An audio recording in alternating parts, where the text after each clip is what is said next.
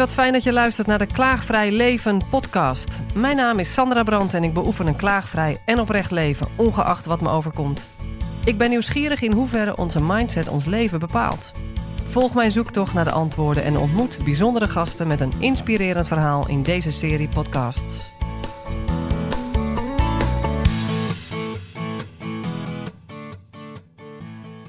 Zijn naam is Wardel Amerika. En we gaan uiteindelijk twee interviews doen. We beginnen met de insomnie, de slapeloosheid, waarvan ik afgekomen ben na 16 jaar. En we gaan er nog één opnemen met verschillende sprekers, met jou in de hoofdrol daarbij. Ja, super gaaf. Echt, die ideeën van jou zijn fantastisch. Ik ben zo blij dat je bij mij aan de keukentafel zit en dat je ook komt vertellen over de kracht van leefstijl voor jou. Je bent regulier opgeleid arts, dus je hebt, zoals ze in de volksmond zeggen, medicijnen gestudeerd. Ja, dat klopt. Ehm, ja, ook als uh, neuroloog uh, ben je eh, onderdeel van de reguliere zorg. Daar ben ik ook gewend. Um, alleen ik zag ook in het ziekenhuis dat alleen met onze reguliere denkwijze, dat er heel veel patiënten zijn die we onvoldoende kunnen helpen. Daar heb ik wel een oplossing in gevonden met leefstijl. Het is wel interessant dat als je een dokter zou vragen, is leefstijl belangrijk? Dan zou iedereen zeggen ja. Iedereen zou dat zeggen. Maar als je dan kijkt wat er vervolgens in de spreekkamer gebeurt, ja, dan, dan hoor je dat niet terug, dat enthousiasme. Nou, dat is dan een reden voor mij geweest om eh, zelf meer in de leefstijl te gaan verdiepen en mensen daar ook buiten het ziekenhuis over te informeren. En daarom ben ik een aantal jaar geleden gestart met een leefstijlinformatieplatform voor mensen met migraine, genaamd Passea, waarin we mensen dus willen informeren, motiveren en inspireren om een gezonde leefstijl onderdeel te maken van hun migrainebehandeling. Wauw, en dat betekent dat je een ondernemend mens bent. Ja, dat, dat mag je dan wel zeggen, denk ja. ik. Nou ja, je zegt het met glunderende ogen, hè? Dus, dus, dus een ondernemende spirit wat daar vrijkomt en niet per se doorgaat in het stramien waarin je het hebt geleerd, eigenlijk, wat ik hoor. Klopt. Ja, ja ik denk dat um, de reguliere zorg ook belangrijk wel is voor de toekomst, maar toch in een iets andere vorm. Uh, dat het iets minder dominant is dan het nu is. Mm. En dat we dus veel meer op een ondernemende manier naar zorg moeten kijken. Wat, wat is er buiten die reguliere kaders mogelijk? Met al, hun met al de beperkingen ervan. Mm -hmm. Ja, en dat kan uh, beter buiten het reguliere kader. Daar is veel meer vrijheid om nieuwe dingen te ontwikkelen. En juist in dit digitale tijdperk uh, betekent dat er heel veel kansen liggen om mensen beter te kunnen helpen. Ja. En dan is zo'n ondernemende geest ja. wel belangrijk. Ja, je moet durven om eens wat anders te proberen. Ja, ja, want anders blijft het hetzelfde wat we al doen. Uiteraard. En dan blijf je krijgen wat je kreeg. Zo is het. Nou, en daar gaan we nog veel meer over horen in een volgende opname. Ja, want ik ben nu heel benieuwd ja. eigenlijk naar jouw prachtige verhaal, Sandra, over uh, ja, jouw slapeloosheid hè, en die insomnie. Want je hebt er al heel lang last van, zei je? 16 jaar. Zo, dat is echt, uh, echt een enorme tijd. En ik uh, kan me voorstellen dat dat ook wel zijn weerslag heeft gehad op je kwaliteit van leven in die ja, tijd. Absoluut. Ja, dat is wel fijn om dat in, dat, in die context eerst te plaatsen. Um, want voor mij betekende dat ik vanaf half twee tot vijf eigenlijk elke nacht wakker was. Uh, en dan hoopte ik dat ik nog even sliep voordat de kinderen weer wakker werden. Dat was tot een uur of zes, kwart voor zes. En dan trok ik de dag wel door. Um, maar ik moest wel echt mijn leven zo inrichten dat ik de middag mijn instortmoment ook uh, kon hebben, bij wijze van spreken. Want dan kon ik niet gefocust werken. Dus mijn werkfocus zat in de ochtend, maar daarna wist ik dan ben ik niet tot veel meer in staat. En daar richt ik dan mijn leven maar op in. Wauw. Uh, dus ja, ik, ik ben wel in die tijd, ik ben natuurlijk al jaren bezig met de oefening uh, van klaagvrij leven. Dus wat komt er voor klagen in de plaats, als je wel oprecht wil blijven. En dat ging ik ook toepassen op de nachten. Uh, en dat was wel mooi onderzoek, dus ik heb het ook nooit een slaapprobleem meer genoemd. Oké. Okay. Ja. Ik heb het zelfs niks genoemd, dus het woord slapeloosheid begin ik nu pas te noemen. Hè, omdat dat zo heet in de reguliere zorg of insomnie. Ja. Maar ik noemde dat nooit iets. Ik lag wakker van half twee tot vijf. En ja. uh, dat was er dan. Ja. En daar was ik mee, ook met het gevoel wat daarbij hoorde. Uh, maar ik ging daar niet nog meer gedachten aan toevoegen. Dus dat was al een, eh, een opmerkelijke stap die me veel heeft opgeleverd. Dus het herken, het soort van de, de, de slag naar, uh, het, het benoemen naar iets? Nou, de slag naar het juist niet meer benoemen van, van iets. Dus eigenlijk alleen het voelen van wat dat doet. Ja, de vermoeidheid die je voelt, maar niet daar gedachten over produceren. Oké, ja. Oké, ik snap het. Dat heeft je al wat opgeleverd. Dat heeft me al heel veel opgeleverd. Dus het gewicht nam ook af daarvan. Oh, wat goed. Oké. Ja, Dus als ik je goed begrijp, zeg je van, nou eerst was het dan uiteindelijk die, die slapeloosheid, insomnie, dat label dat eraan zat? Ja, het was een probleem voor mij. Dus het slaapprobleem noemde ik het dan. Oh ja, slaapprobleem, ja. ja. En toen je dat los ging laten en gewoon een soort van feit des levens uh, ging zien, nou dat is dan maar zo, maar het hoeft niet zulke, zo'n negatieve lading dan te hebben. Nee, het hoeft alleen te ervaren, wat natuurlijk vervelend mhm. is, maar uh, dan hoeft er niks aan toegevoegd te worden met labels of gedachten. Ja. Dat haalde al een hoop gewicht weg. Jeetje, wat mooi. Ja. En dat is eigenlijk gewoon een, een, een realisatie, hè? dus dat heeft niks te maken met dat van hogerhand dingen, hogerhand dingen worden opgelegd, nee. medicijnen. Het is gewoon een knop die je omzet dan. Ja, dus dat, dat was nou ook een, ja, dat was een oefening. Dus dat is zeg maar zes jaar geleden ontstaan, die oefening. Dus dat hmm. hielp al. Goed. Maar nog steeds was ik natuurlijk uh, gewoon structureel wakker. En dat is niet oké. Eh, dat voelde ik ook. Ik ben zelf gaan werken in uh, de slapenonderzoekswerk. Dus met cliënten die worden doorverwezen door cardioloog of huisarts. Om te kijken of er obstructie is, slaapapneu of insomnie. Mhm. Ja. Uh, ik heb mezelf door de huisarts laten verwijzen naar mijn eigen, naar mijn eigen nou, plek waar ik ook werk. Oh ja. Uh, want ik weet dat ik ook kan snurken. Um, en uiteindelijk is het niet gekomen van een afspraak, grappig genoeg. Dat was nou ja, december vorig jaar. Um, want ik had er zoveel last weer van. dat ik dacht, ik moet gewoon verder onderzoeken. En ik heb het niet gedaan. En dat was eigenlijk een gouden greep. Want februari dit jaar, op de een of andere manier, intuïtief is het zo gekomen dat ik voelde dat ik iets te doen had op een andere manier en dat ik dat dus even helemaal mocht volgen. En mensen die mij kennen weten dat ik dol ben op experimenten in het leven. Hmm. En dit was weer een experiment in het leven en daar wil ik het heel graag over hebben hier. Um, en dat heeft ervoor gezorgd dat ik sinds februari klaar ben en af ben van de slapeloosheid. Wow. En uh, niet meer wakker lig tussen half twee en vijf. Ik heb zowel mijn diepe slaap de eerste vier uur en daarna ook de slaap die nodig is om psychisch dingen te verwerken. Dus je remslaap, de ondiepere slaap. En ik slaap door elke nacht. Wauw, wat fantastisch. Ik bedoel, ik zit hier met een grote glimlach op mijn gezicht en jij ook. Ja. Hoe fijn dat. Ik kan me niet eens voorstellen hoe heftig dat moet zijn. Dat, dat ja, is gewoon onvoorstelbaar wat dat moet doen met je leven. Wat je zegt, je zit daarna toch in een overlevingsstand van waar ga ik instorten, wanneer kan het en, uh, nou ja, precies. momenten te verzinnen. En, vergeet niet dat als je uh, op deze manier slaapt, en mhm. vooral ook niet slaapt, uh, wat je eerder gaat doen is verkeerde dingen eten. Oh, Want je voelt je overdag niet lekker. En dat denk je even op te lossen kortstondig door hè, dopamine shotjes in je brein te veroorzaken met Tony Chocoloni of andere merken. Mhm. Eh, maar iets met chocola, uh, chips uh, voldoet ook. Of het eeuwig scrollen of nou bedenken alle verdovingen maar die er bestaan. overigens, met alcohol was ik volledig gestopt. ik dronk maximaal drie glazen per week, maar ik voelde dat ik daar niks mee moest doen. Nee.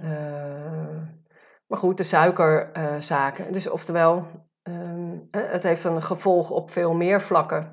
Je wordt er onrustiger van, je wil sneller meteen een fixed gevoel hebben en zoek dat daarin. Ja. Ehm, dus het lost nogal wat op als je op dat vlak aan de gang gaat en je door kan slapen, waardoor je helderder wordt overdag. En ook beter kunt kiezen voor wat wel goed voor je is. Ja. En dat lukt me nu, nou ja, bijna structureel. En dat is zo ongelooflijk fijn, waardoor ik nog verfijnder intuïtief wordt. En dat zijn dingen die nu gebeuren waar ik vroeger uh, echt een enorm oordeel over had. En waar onze cultuur veel oordelen over heeft. Mm uh, en die ik nu allemaal begin te zeggen. Dus uh, ja, alleen al intuïtie. ja, ja, het woord intuïtie is natuurlijk uh, een beetje nat dan in de reguliere zorg. Want het moet niet intuïtie zijn, het moet allemaal evidence-based zijn. Ja, ja. op basis van de wetenschap. Dus ehm, nou, wat, wat mooi hoe je, hoe je zelf die die ommekeer hebt weten te bewerkstelligen. Ik wil er straks natuurlijk veel meer over horen hoe je dat dan precies hebt gedaan. Maar laten we eens even teruggaan naar, naar het begin. Hoe is dat nou allemaal begonnen, die slaapproblemen? Ja, die slaapproblemen zijn eigenlijk begonnen toen ik een partner kreeg waar ik naast ging slapen. En dat eigenlijk helemaal niet fijn ging. Oh. Ik sliep liever alleen. Um, bij wijze van spreken een matras op de grond. Hmm, Maar op de een of andere manier vond ik het moeilijk om daarvoor te blijven staan.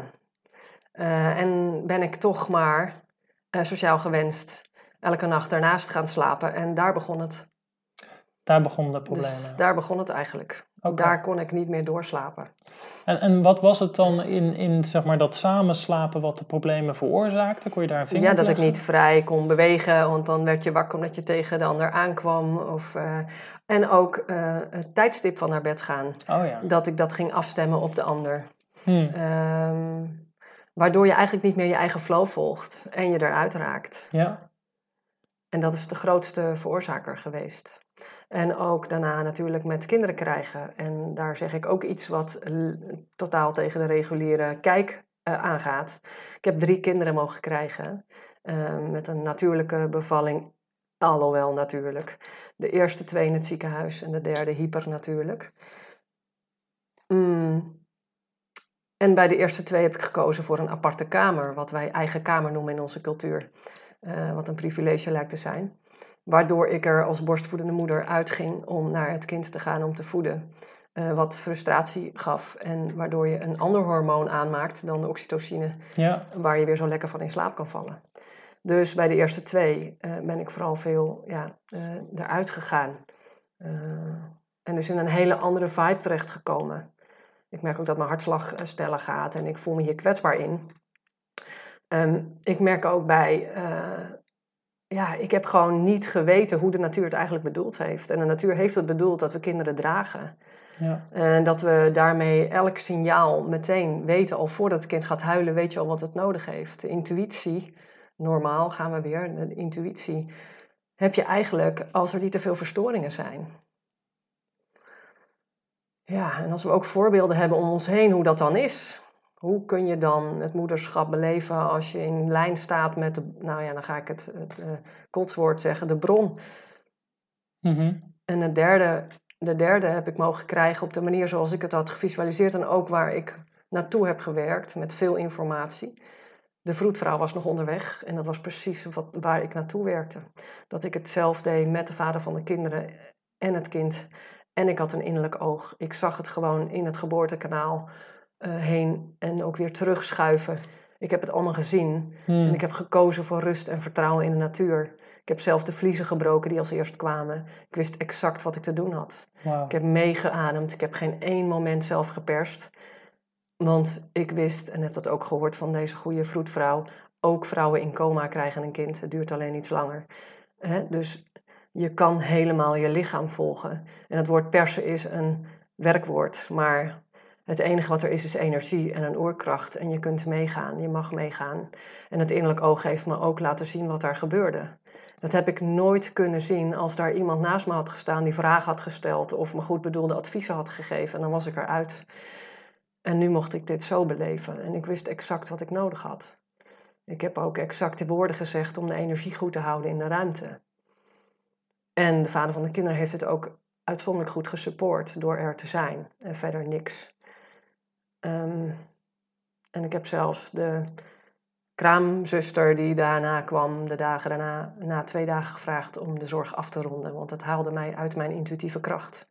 Ze ging mij vertellen dat er nog steeds geen ehm, plasluier was geweest. En toen dacht ik, ja, wacht eens even. Hij heeft nu een hele volle borst voor het eerst helemaal leeg gedronken. Want nu is die productie super op gang. Dus je zal zien, de volgende luier wordt een volle plasluier. Maar als ik dat aan jou moet gaan verantwoorden, dan ben ik hem kwijt. Ik wil dit niet. Ja. En ehm, we hebben de, de zorg afgerond en de volgende luier werd een volle plasluier. Ehm, het enige is dat ik dacht, oh shit, nou moet ik het navelstompje ook elke dag verzorgen. Maar ja, dan heb je ook dat te doen. Ja. Dan heb je ook daarin eh, de verantwoordelijkheid te nemen. En eh, ja, dit, dit heeft me veel doen inzien dat er zoveel wijsheid is. En dat we voorbeelden nodig hebben van mensen die weten hoe dat werkt en hoe je dat leeft. Ja. ja, ik vind het heel mooi hoe je dit omschrijft. Ik eh, ja, merk dat het voor jou ook iets heel bijzonders is. Ik zie het aan je. En, en, en het is wel mooi, want het is een combinatie van kwetsbaarheid en kracht die ik zie. Dus het is wel, wel, wel heel gaaf om te zien. En, en dat je daarin ehm, de kracht hebt gevonden om naar jezelf te luisteren. En niet te veel op te laten leggen door bijvoorbeeld iets als de sociale etiketten. Hoe horen we het te doen? Hè? Wat zijn die maatschappelijke normen? Meer naar jezelf te luisteren. Wat zegt mijn moedergevoel en hoe moet het? En dat je daar een hele mooie ervaring aan over hebt gehouden. Dat is natuurlijk Nou prachtig. ja, en ik zou graag willen aanvullen, dank je wel. En ik hoor meteen een en. Het is niet eens naar jezelf luisteren, maar het is zelfs naar een oor waarvan je weet wat er werkelijk klopt. Dat we niet gaan doen Ja. hoe het hoort, maar dat we doen wat we horen. Ja, In verbinding met de gut feeling, het hart, maar ook vooral met iets anders, iets groters. Dat je voelt, ja, maar dit klopt niet hoor, wat je hier zegt. En ook al ben jij de gynaecoloog, ik weet, hier klopt iets niet wat hier nu gebeurt. ja, En ook als mijn vroedvrouw naar het hartje wilde luisteren, ja, ik was daar echt een hele zuivere in bij de derde. Dan zei ik tegen haar, wil je dat tegen mij zeggen dat jij de behoefte hebt om naar het hartje te luisteren? En niet, we gaan even naar het hartje luisteren. Nee, wil je tegen mij zeggen, ik heb behoefte om naar het hartje te luisteren? En dan kijken we of we dat gaan doen. Ja. En wil je dat dan met de korttonen toe te doen? Want ik hoef het niet te horen, want ik voel het is oké. En ik wil ook niet horen van jou wat jij ervan vindt. Want ik heb dat niet nodig nu, weet je. Zover ging ik daarin. Dat heeft me ongelooflijk geholpen dat ze daarin ook gesupport heeft, ja. fijn. Jeetje. En, en ik vind het heel bijzonder hoe je dat, dit hebt aangepakt. Je bent gewoon, eh, wat ik van je hoor is dat jij zelf die keuze hebt gemaakt van ik ga naar mijn oergevoel luisteren. Ik ga, dat, eh, ik ga dat echt oppakken, ondanks wat anderen daarvan vinden, wat ze normaal vinden. En, eh, en dat het jou zoveel heeft gebracht, is natuurlijk fantastisch. Ja, Echt heel bijzonder. Hey, we kwamen natuurlijk hier een beetje op vanwege de, de slaapproblemen. Hè? Dus een he- hele mooie afdwaling hebben we gehad. Echt super, super gaaf om te horen. En, hoe heeft dit nou, eh, het krijgen van je derde kind dan ook nog, hoe heeft dit je slapen dan weer beïnvloed? Ehm, eh, nou, dat is een hele mooie vraag. Want eh, hij sliep naast mij. Hij heeft de eerste, eh, nou, ik denk twee jaar, twee jaar naast mij geslapen. Eerst echt op mijn matras en daarna in co-sleeper. Maar daardoor hoorde ik al, ehm, ja, gewoon al slapende hoorde ik al een soort varkensgeluidjes van zoekend naar de tepel, naar de borst, naar de speen, de natuurlijke speen. En kon ik hem aanleggen en kon ik daarna op een veilige manier, ons, kon- vonden we onze weg en sliepen we weer door in no time. Geen enkel probleem. En ik kreeg echt zo'n oxytocine rush ja. van gelukzaligheid. En ik had helemaal geen problemen met slapen toen. Ik was ook prima de dag erna, weet je wel. Dus er was geen enkel probleem. Ik voelde echt, ik doe precies wat er nodig is. En dit is wat ik in februari dus eigenlijk ook weer intuïtief heb opgepakt. Ik dacht, ik moet nu mijn slapeloosheid gaan aanpakken op een manier waarvan ik voel dat hier misschien wel de sleutel zit. Want ergens ben je dat dus weer kwijtgeraakt, begrijp ik. Want toen met, het, met je derde kind ging het goed. Ja, Toen zei je volgens mij, ja, dan heb je, op dat moment had je geen slaapprobleem. Nee. De oxytocine ging goed, Ja. je kon goed slapen. ja, ja. Maar ergens eh, is dat toch weer kwijt. Ja, en dat je is- 16 jaar last. Ja, ja, dat is natuurlijk ook wel wat met spanningen in de relatie. eh, dus de spanningen doen daar, hebben daar een rol bij. Hmm. Toch weer niet blijven staan voor waar mijn slaapbehoefte zit. Oh ja. Dan ga je Ja. toch weer in, in oude patronen vervallen. Ehm, ja, toch compromissen proberen te zoeken, maar die mij eigenlijk tekort doen. ja. en de ander heeft daar ook zijn best voor gedaan. Maar ja, we hebben daar niet een, een, een vorm in gevonden. Eh, en daarin heb ik ook gewoon lessen te pakken. Ehm, nou ja, goed, inmiddels eh, woon ik nu drie jaar alleen. eh, met de kinderen natuurlijk in co-creatie met de vader van de kinderen. Ehm, ja, en daarin heb ik nu sinds februari een modus gevonden. Oh, wat goed.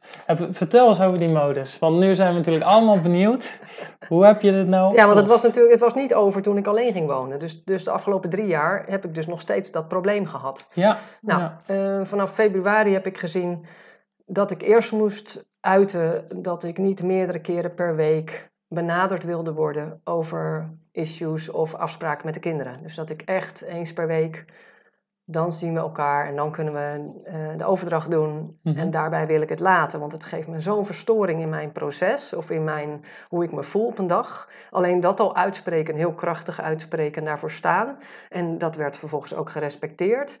Dat heeft al enorm veel opgeleverd. Ehm, en dan de volgende, en die wil ik iedereen meegeven.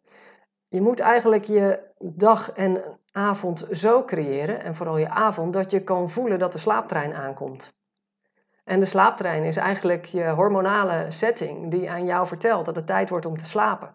ja. Alleen wat haalt ons allemaal uit die hormonale setting? Nou, dat kun je wel invullen. Het is bepaalde voeding, misschien nog dat je eet na het avondeten. Mhm. Waardoor de hele zaak weer wordt opge, eh, nou ja, opgeturnd, terwijl dat eigenlijk niet de bedoeling was. Ehm, intensieve gesprekken voeren nog. Ehm, beeldschermen, allerlei afleidingen. uh, nieuwsites, weet ik het, wat je allemaal doet in de avond. Ehm, die jou allemaal afhalen van het contact in je lijf met je hormonale, normale, gezonde tempo die jou vraagt iets te doen. Ja. Dus ik ben bij wijze van experiment vanaf 7 uur s'avonds, als ik de kinderen richting bed bracht, en de oudste een uur later, maar in ieder geval vanaf 7 uur s'avonds mijn telefoon uit te laten, geen gesprekken meer te voeren. En echt de hele tijd een lijntje te houden met mijn lijf. Van wanneer komt daar nou de slaaptrein aan? Um, ik moet nog denken aan iets anders wat belangrijk is, dat ik wil straks zeggen. Um, en het het rare was, of ja, het was nogal vroeg dat die slaaptijn aankwam. Maar ik had met mezelf afgesproken, ik zou er naar luisteren. Dus om half negen was het voor mij tijd om af te taaien, maar snel ook. Want als, als je een minuut of 10, 15 wacht, dan is die slaaptrein voorbij. Dan ben ik over dat punt heen. Ja. En ik ging gewoon als wijze van experimenten naar luisteren. Dus wat deed ik? Ik ging mijn ritueel starten rond half negen. En om tien over half negen lag ik in mijn bed. En sliep ik overheerlijk in. En sliep ik langer door dan ik ooit gedaan had. Dus daar had ik al een enorme stap gemaakt. Dus het advies is voor de luisteraar die hiermee stoeit. Zorg dat je zo'n lijntje hebt met je lijf. Dat je je slaaptrein kan voelen aankomen. En dan weet je zelf wel waarmee je dan te spelen hebt. En dus gewoon te proberen hebt. Ehm, dus dat is een hele belangrijke. Ehm, en dan, en dat klinkt misschien gek, maar ik ben zo gevoelig geworden qua informatie of mails of appjes die naar mij toe komen van klopt dit? Is dit werkelijk voor mij of is het niet voor mij? En zelfs voordat ik het open. Dus als iemand mij een appje stuurt of een mail, dan voel ik van wow, Ehm, of het komt uit een veld van projectie, of het is vanuit een trigger geschreven, whatever. Ik kan het voelen zonder te openen. Oh ja. En dat is zo'n bizarre uh, uh, gevoeligheid. Ja, dat is, dat is bijna raar om te zeggen.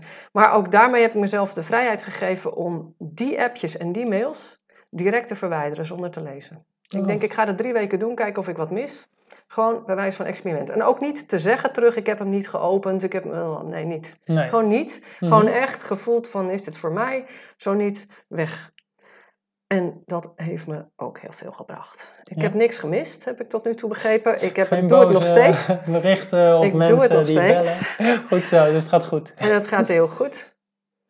Eh, ben je klaar voor nog eentje? Ja, tuurlijk, graag zelfs. En we Ehm, zitten we hier, Sandra. Ja, want nu ga ik nog even over het energiewerk hebben. Ik ben heel blij dat jij in ons voorgesprek dat ook nog eens noemde, dat je dat knap vond en meer over wilde horen. Want het woord energiewerk, nou, de meeste reguliere opgeleide mensen haken nu ook af waarschijnlijk met luisteren. Dus ik zou je willen uitnodigen, blijf nog even. Ik blijf ehm, gewoon zitten. Je zit aan mijn keukentafel, Sandra. Ik kan ook niet weg. Buiten dat ik het natuurlijk graag wil horen. Want ik heb dus gevoeld, of nog steeds, dat we een veld om ons heen hebben, waarmee we contact hebben en dat we kunnen voelen of iemand in ons veld zit. En jij knikt, dus blijkbaar ervaar je er wel iets van, of, herinner, of begrijp je er iets van? Ja, zeker. Ja. Oké. En ik ben elke ochtend, als ik naar mijn cafeetje ging om te schrijven, en nog steeds zit ik daar bijna elke ochtend, ehm, gaan voelen hoe is het met mijn veld. Eh, alleen maar voelen, niet over praten, want het klinkt allemaal veel te zweverig. Dus ik deed dat stiekem, in mijn eigen eh, bubbel met de inspiratie samen, werkend. Mhm. Eh, wat ik ervaarde was dat er rechts van mij een verstoring was elke dag. En dat ik ook voelde wie daarin zat. En door daar gewoon liefdevol elke keer mee geconnect te zijn met dat stukje veld. Eh, en de intentie dat ik voordat ik dat café verliet, wilde ik dat het stroomde in mij. Ben ik elke ochtend als het ware het veld gaan opschonen. Allemaal stiekem, hè? allemaal in stilte. Niemand wist wat ik aan het doen was. En ondertussen had ik natuurlijk twee overheerlijke lekkere eh, latte koffies.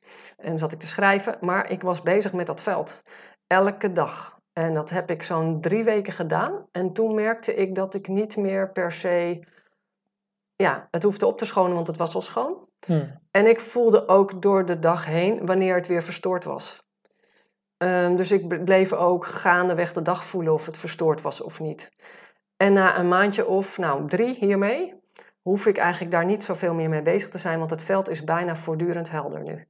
En ik denk dat dit de finishing touch is in al mijn werk wat ik nu gedaan heb en waar ik nu over gedeeld heb. Dank voor het respectvol luisteren naar dit kwetsbare stuk. Tuurlijk. En dit bij elkaar heeft geholpen mij van den insomnie te verlossen. Dus, dus ook dat stuk met dat energiewerk Absoluut. heeft ook bijgedragen aan het beter slapen nog. Wat gaaf. Ja, ik vind dat heel knap. En, en ehm, ja, je gaf wel aan dat, nou ja, als je het hebt over energiewerk, dat dat misschien niet aan iedereen besteed is. Ik probeer zelf altijd heel open te luisteren naar mensen. Want het is misschien niet hoe ik iets zou omschrijven, maar dat maakt het niet minder waar voor jou of een ander. Ik denk namelijk dat we in het leven heel vaak over dezelfde dingen praten, Mm. maar het net wat anders benoemen. Mm. Ehm, dus wat jij energiewerk noemt, noemt een ander bijvoorbeeld eh, aura. Of eh, hè, dat zijn er meerdere omschrijvingen voor waarin we eigenlijk het wel over hetzelfde hebben. Dus ik zou zeggen, laten we gewoon goed naar elkaar luisteren om te kijken waar, waar kunnen we elkaar weer vinden. Weet Ja, je wel? mooi. Er- Ervan uitgaande dat, laten we vanuitgaande dat degene die iets erover zegt, dat het gewoon waar is. Want Ja, het is zijn of haar waarheid. Daar hoeven we geen waardeoordeel over te vellen, Nee. want die, het is van jou. Ja. En ik ben heel benieuwd en nieuwsgierig. Ik wil meer leren over jou, daar hoort dit ook bij. Dankjewel. En het, het is alleen maar mooi als ik hè, het ook kan begrijpen vanuit eh, bijvoorbeeld ehm, bewoordingen die ik zou hebben gekozen, Ja, bewijs. Maar ja. dat doet niks over jouw verhaal. Ik vind het hartstikke boeiend. Dus ik, wat ik nog wilde vragen over dat energiewerk. Hè? Want, want hoe je zei, dan zat er iets in mijn energieveld. Ja. Eh, hoe, hoe, hoe weet je dat? Hoe voel je dat? Wat, wat voor gevoel is dat? Ja, ik kan het, dat is lastig omschrijven. Ik voel dan echt helderheid aan de linkerkant, helemaal van voor me, helemaal linksom tot achter mij in het midden. Mhm. En dan rechts voel ik dat daar iets niet stroomt. Oké, En dan niet in mij, maar net buiten mij. Zeg maar een halve meter om mij heen. ja. En, en, en ik voel ook dat er iemand in zit en wie dat is. Dus je wist, er zat ook echt iemand Ja, voor je. ja. Ja, En, en wie, ja, hoeft natuurlijk niet met naam en voornaam, maar wat voor personen zijn dat dan? Zijn dat personen die heel dicht bij je staan of wat verder weg? ja en die, die dicht bij me staan of die te maken hebben met, nou ja, iets waarmee ik te maken heb. Maar die als het ware hun haakjes in mij kunnen slaan, om het even heel lullig te zeggen. Maar Mhm. Ja, dat, ja. Dat doen we bij elkaar. Eh, ja. Ehm, ja, en, ehm, en, en wat ik ook nog wou benoemen is dat door hiermee bezig te zijn, geloof ik dat ik mijn hersengolven ook beïnvloed. Ehm, want als je rustig wil slapen, en ik zie dat ook bij cliënten die dan in de reguliere zorg komen waar ik onderzoek doe. Hè, dus ik doe daar de elektrodes plakken en de anamnese afnemen. Ja, wat ik daar ook hoor is dat overdag staan die mensen, nou niet allemaal, maar veelal, voortdurend aan. En dan geloven ze Mhm. dat ze s'nachts dan wel kunnen slapen, maar dat lukt dan niet. En dan gaan ze daar onderzoek naar laten doen. Ja, dan denk ik, moeten we niet iets met dat jij voortdurend aanstaat. Want dat geeft een hersenactiviteit alsof je eh, in overlevingsstand staat. Ja. En denk je dan in de nacht eh, opeens in standje veilig te staan. Maar goed, dat is dan niet helemaal aan mij misschien om dat in die reguliere zorg uit te spreken. Mhm. Soms doe ik dat dan toch wel, eh, zo eigenwijs als ik ben. Ja. Maar ik heb de indruk dat als wij in standje veilig moeten gaan slapen, want anders kun je gewoon niet slapen, dan heb je dus iets te doen overdag. Ja. Eh, eh, en dan het liefst dat je regelmatig in, ik noem het een fabrieksinstelling, dat standje veilig, dat je regelmatig terugstapt naar je fabrieksinstelling. ja.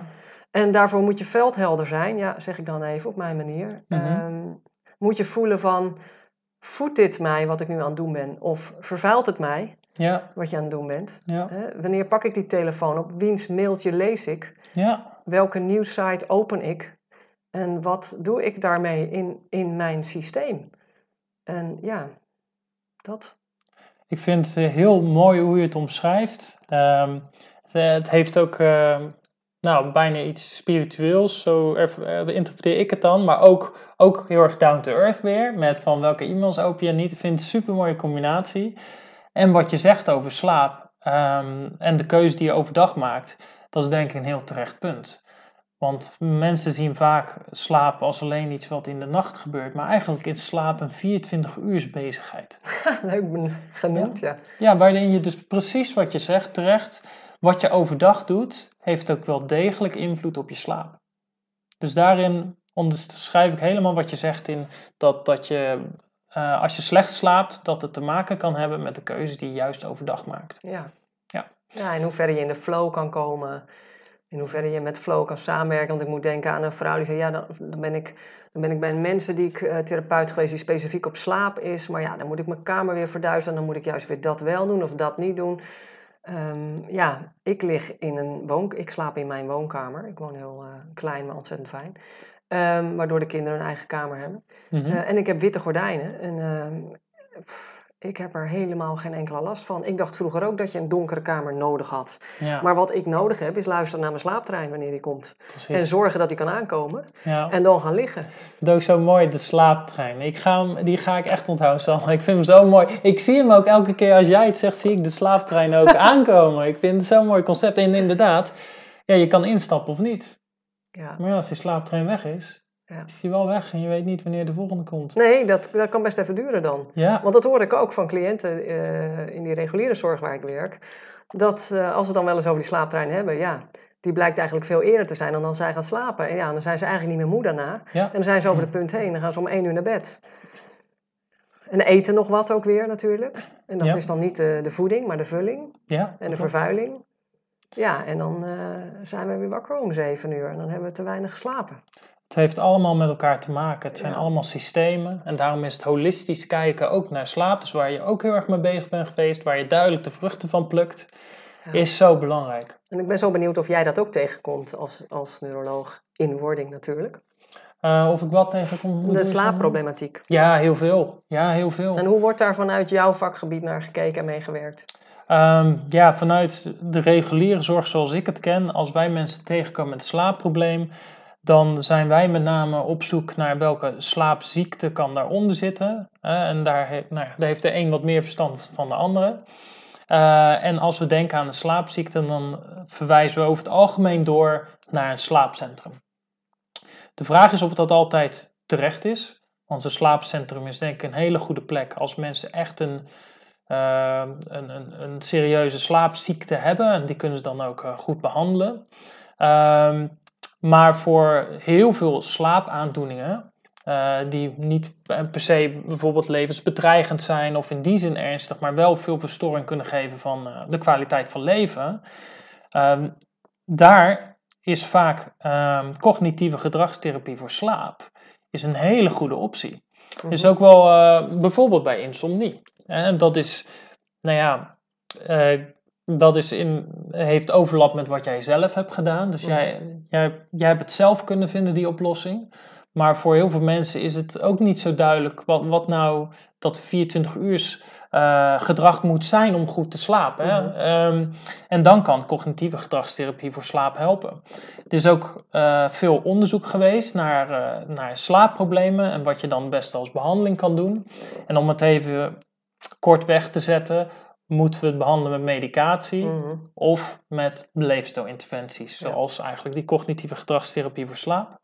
En wat blijkt nou? Het blijkt dat, eh, nou, wellicht niet een verrassing bij deze podcast, maar dat leefstijlinterventies uiteindelijk een veel groter, veel robuuster, maar voor- vooral ook veel duurzamer effect hebben op slaap dan medicijnen. Ja. Dus, eh, en dat is, vaak wordt er ook, eh, wordt al snel naar gegrepen, toch nog steeds, naar eh, slaapmedicijnen zoals benzodiazepines, en diazepam bijvoorbeeld. Het wordt al. het weg. Nee, het neemt. Dus dat is inderdaad een van de punten ook waarom het langdurig niet helpt. Omdat je de oorzaak inderdaad niet wegneemt. Terwijl je wel ondertussen wendt aan het effect van het slaapmedicijn. Waardoor die al op een gegeven moment gewoon uitgewerkt is. Dan werkt het gewoon niet meer. Ja. Dus om eh, kort te zijn, we zouden met elkaar meer mogen verwijzen voor die leefstijlinterventies. En wat mij betreft hoort cognitieve gedragstherapie eh, voor slaap daar, eh, daar zeker bij. Dat is, dat is dan de interventie. Ja, Maar het gebeurt nog weinig. ja.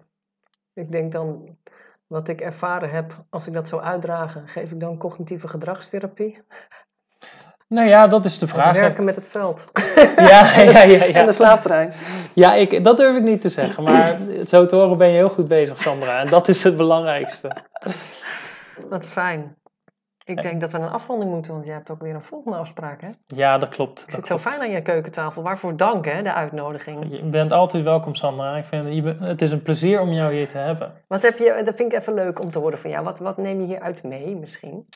Ehm, wat ik hieruit meeneem is dat ehm, een bevestiging van het zelfverstellend vermogen van de mens. Wat ik fantastisch vind. We moeten ook voorstellen, we zijn er al een hele tijd met z'n allen. Dus eh, het lichaam kan heel veel oplossen.